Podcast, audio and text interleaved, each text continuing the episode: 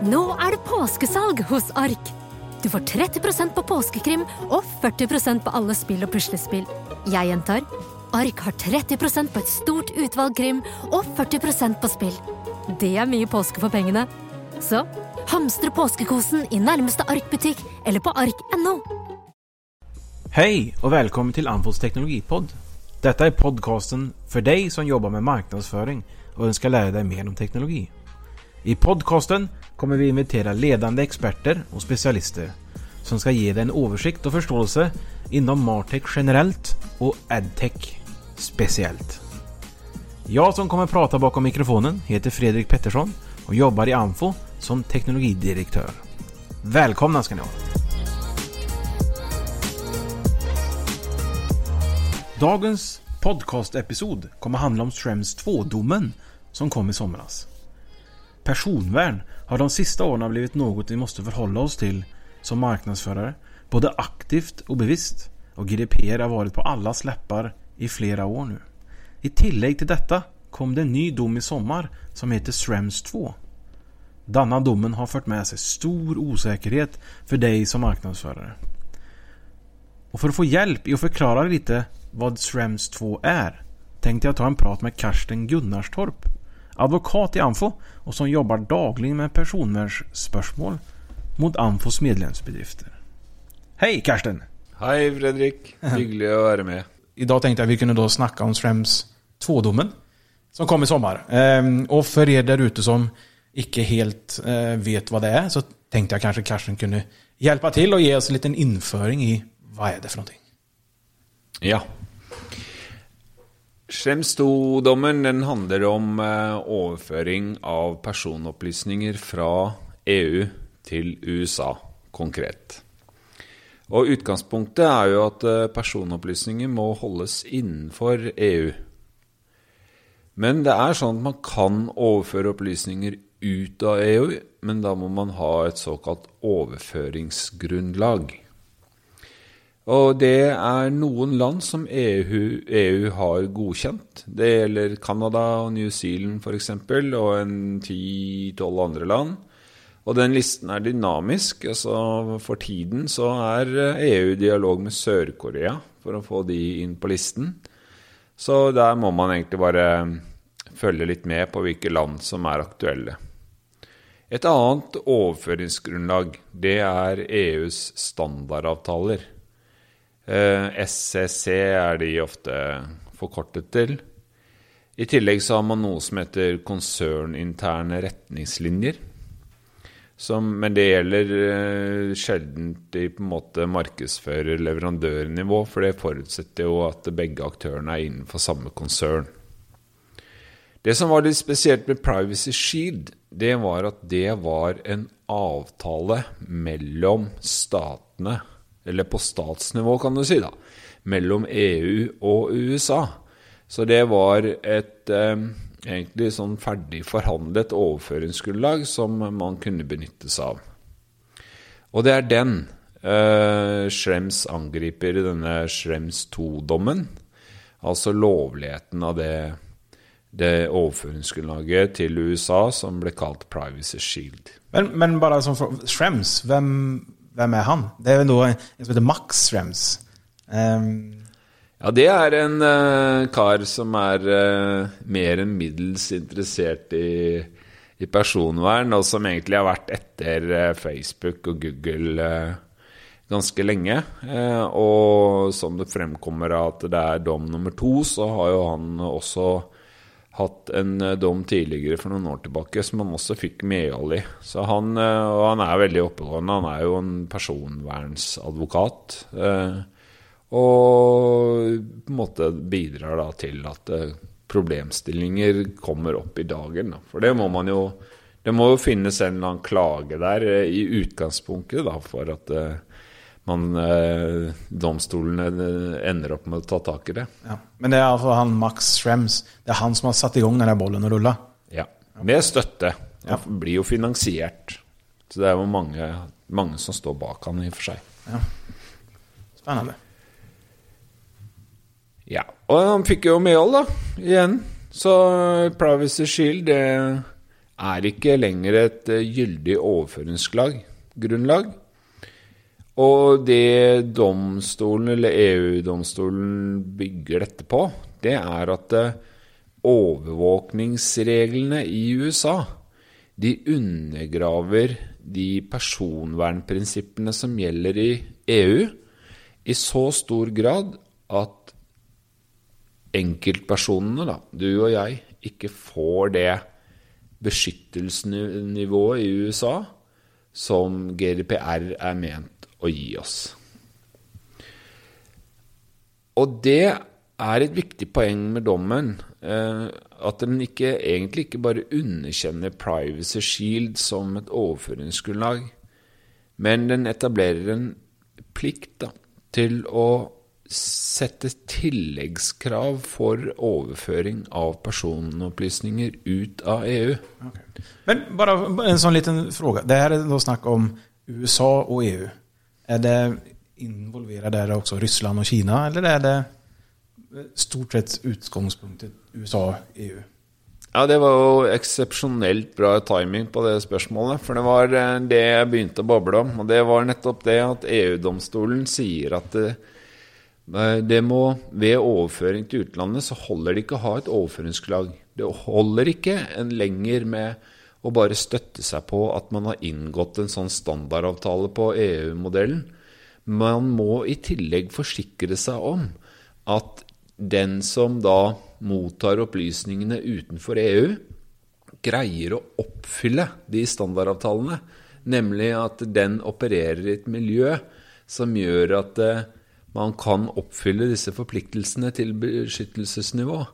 Og hvis man ikke kan det, så må man gjøre noen tiltak som eh, sørger for at eh, beskyttelsesnivået er der.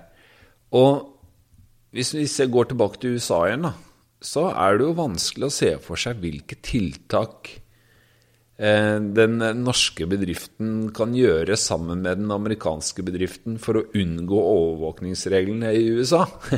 For de, de reglene gjelder jo den amerikanske bedriften helt uavhengig av hva slags avtaler eller tiltak eh, vi gjør. Men det kan være andre Hvis man ser på andre land, da. Eh, nå tror jeg nok du har helt identiske problemer med Kina og Russland. Men hvis man tenker andre land utenfor EU som på en måte har et mer ryddig regelverk i forhold til, til eh, personvern, så kan man jo tenke seg at eh, det finnes noen tiltak man kan gjøre. F.eks. den i utlandet kan f.eks. bytte et par underleverandører som eh, ikke flyr helt i forhold til EU-regelverket, og den type ting, som gjør at eh, det går bra likevel. Men det er altså disse tiltakene. Det er jo omfattende. Altså for det første så må man jo da identifisere hva leverandøren ikke greier. Å oppfylle i den standardavtalen, som på en måte er tjukk som eh, rakkeren. Og så må man jo da finne ut av hvilke tiltak eh, man skal gjøre for å rette opp det. Så det, jeg mener, det er ikke, er ikke særlig praktisk, altså, eh, i, i, i, det virkelige liv. Og det foreløpig så finnes det heller ingen veileder for hva slags tiltak som kan være aktuelle. Men det jobbes det med på EU nå, da. Men, men jeg tror ikke vi kommer til å få så mye ut av det. Men så utgangspunktet så handler det her om eh, plattformer i dag, da, som Facebook og eh, kanskje Google. At du, du som bedrift sitter og har eh, en form av system som snakker med en server i USA. Eh, der du deler ut litt av personopplysninger. Det er vel det er litt så, for en lekmann som, som ikke riktig er helt förstår det juridiska så är det väl inte, är det så man kan förenkla det och säga? Ja, så i prinsippet så ryker jo nå all utlevering til USA. Ja. Det slår jo inn big time på både Google og Facebook. Eh, så eh, Hvis man setter det på spissen, da, så er det eneste produktet til Google som flyr nå, er vel Google Analytics, hvis du setter på den anonymiseringsfunksjonen. Ja. Uh, CRM-matchingen til Facebook fungerer nok regelverket fortsatt. Men eh, alt som er knytta til Facebook-piksen, eh, ryker. Eh, så, så, det der er jo vanskelig. Og mange CRM-systemer er jo USA-basert også, med, med sky og greier. Og prinsipielt så er det jo da ugreit, men der tenker jeg må man jo se litt på hva slags opplysning man lemper opp i skyen. da. Altså Hvis det er snakk om e-postadresser og telefonnummer og sånn, så er det jo ikke noe stor krise at uh, amerikanske myndigheter uh, kan gjøre etterretning på det. Men uh, hvis man da oversender mer omfattende datasett, da, hvor man kan gjøre noen analyser om enkeltpersonene, så blir det jo straks mer problematisk. Særlig hvis man bønder med andre datasett. da. Ja. Men jag tänker som idag då, eh, så är det ju förutom plattformar så säg alla skytjenester som, som servrar som står i utlandet, gärna i USA. er är lösningen nästan då att kunna ha en egen serverpark stående här i, så som vi sitter i Oslo här då, i ett serverrum i Oslo. Så å ha installationen på en programvara på den serveren i det bedriften du jobber i, da, til eksempel. Løser det problemet? Ja, altså, du har jo en fiks så lenge på en måte miljøet som forvalter disse personopplysningene, holder opplysningene innenfor EU, så er det jo home free. Ja. Eh, så, så, det er jo bare hvis du serverparken din et eller annet sted slipper opplysninger eh, ut av EU, da. Ja. Og det er, sant, det er noen avanserte skytjenester som som gjør det på en måte i fjerde leddet. Hvis eh, parkene, det første, andre og tredje leddet går ned, så kan ligge kanskje fjerde leddet utenfor EU. Det tenker jeg også for alle praktiske formål må kunne gå an. Ja. Um, Eventuelt at man da bare tar den risikoen, da. At hvis én, eh, to og tre er nede, så er det nede. At man dropper det til fjerde leddet. Men, eh, men, eh, men for en vanlig merkevare da, eller en bedrift som, som hanskes med personopplysninger som kan være innenfor den Trends 2-dommen, hva, hva, hva, kan det få for konsekvenser? Det som overrasker meg litt, da, det er jo at det er egentlig så få som har tatt tak i dette her. Du kan jo liksom begynne med Google og Face. De, de fremstår jo som bare Ja, det virker jo ikke som de på en måte tar noe grep i det hele tatt. Det er veldig overraskende stille derfra. For det EU forventer seg, er jo at eh, det skjer en eh, endring på produktsiden, eller på leverandørsiden, som eh, gjør at det flyr i forhold til regelverket. De kan jo ikke føre tilsyn med alle leverandører innen markedsføringsindustrien. Så de, det som er den grunnleggende ideen til GDPR, er jo at ansvaret alltid skal ligge hos den som uh, eier personopplysningene. Og I vår verden så er jo det markedsføreren. Ja. Og at det er markedsføreren som i første gang skal henge med hud og hår. Og fordi at man har en risiko for å henge med hud og hår, så, så, bruker man de leverandørene som er compliant i forhold til regelverket, og lar være å bruke de som ikke er det. Ja. Men også på markedsførersiden så er jeg egentlig litt overrasket om hvor stille det er. da. Det er en måte noen som har satt i gang og begynt å skru av og, driver og grubler på hvordan de skal gjøre det. Men mange bare fortsetter jo som om ingenting har skjedd. Og det er litt rart, fordi jeg tror hvis man virkelig skal få til et pressmiddel på leverandørene sånn at de endrer produktene sine, så må pengene begynne å flytte seg. Det må begynne å flytte seg fra de produktene som ikke er lovlige, til de som er lovlige. Og da tenker jeg at markedsførerne må begynne å se litt i det nordiske, mark nordiske markedet. Se, se, hvilke leverandører som, eh, som, opptrer mer lokalt, og begynne å bruke de. Mange bedrifter i dag da, de har jo redan eh, sikkert kjøpt store lisenser på CRM-system som er på vei å implementeres, eller, eller de implementerer kanskje i nästa kvartal. Jag vet inte riktigt. Men poängen är, vad, vad, vad, hur ska de förhålla sig till det här då? bør behöver de vara oroliga over över det de har kjøpt, da, eller på vei å kjøpe? Ja, eh, jeg hopper ett hakk tilbake. For du sier jo at disse store aktørene er jo veletablerte. De er jo ikke bare det, vet du. De er jo velfungerende. Ekstremt velfungerende. Fungerer altfor bra. Eh, det fungerer så bra at det er ulovlig. Og, og, men det er klart, det er jo besnærende for, for en markedsfører som bruker det som fungerer absolutt best. Men det er da også problemet. Sånn at man trenger eh, at eh, markedsførerne greier å vende blikket mot eh, det som er lovlig, fremfor å se på det som er aller mest effektivt. Og det er klart, det er ikke noe gøy å være førstemann ut der. Det er jo ikke noe premie for å, bli, for å være best i klassen. Det er jo bare en bot for å opptre ulovlig. Um, så, så det, er, eh, det, er, en tøff sak å være en av de første som eh, får de, den snøballen til å rulle. Men eh, jeg tror nok det er helt avgjørende for at, man, at det virkelig skal skje noe på leverandørsiden. For de virker overraskende lite endringsvilje. Eller hva, hva tror du er, gjør at ikke folk engasjerer seg mer i det her? Det er jo som du sier, da, det er jo en dom som ligger an for at det du gjør, egentlig er ikke lovlig? Jeg syns nesten dette er helt motsatt, ja. Det har vært skrevet en god del om det. Ja. Og det her er jo kjempelett. Det er ikke lov lenger. Punktum. Ja. Eh, mens den problematikken som vi hadde i forhold til advocacy f.eks. tidligere, med cookies og sånn, så det jo, har det jo egentlig vært veldig uklart hva som har vært innholdet av de samtykkereglene. Og man har kunnet støtte seg på forskjellige regelverk og forskjellige tilsynsmyndigheter og sånn. Veldig flytende, og det, det, forstår jeg kjempegodt at uh, markedsførerne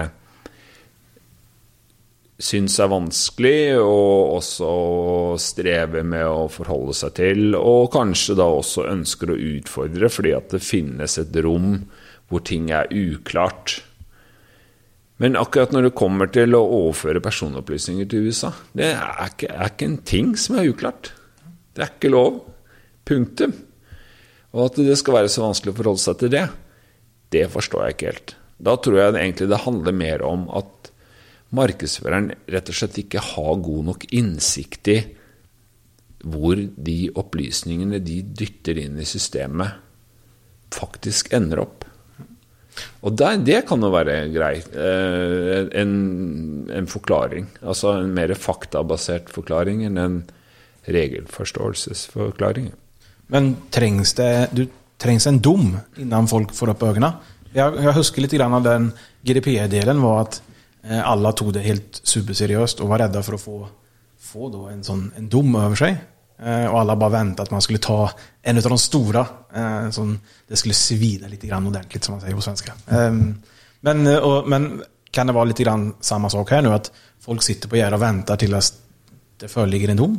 Jeg skal være litt pedantisk, du, for det er jo gøy for jurister. Det er jo en dom. Det er jo Schrems II-dommen. Men det var jo ikke noe sånn sabla stor bot der.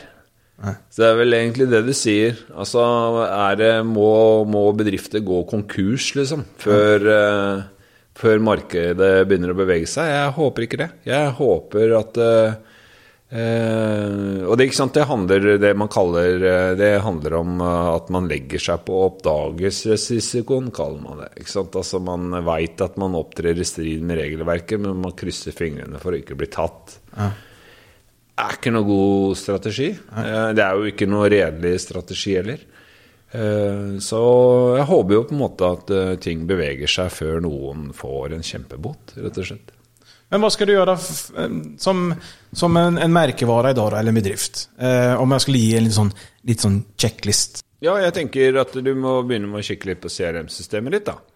Eh, hvor eh, om det på en måte produserer eh, personopplysninger til USA.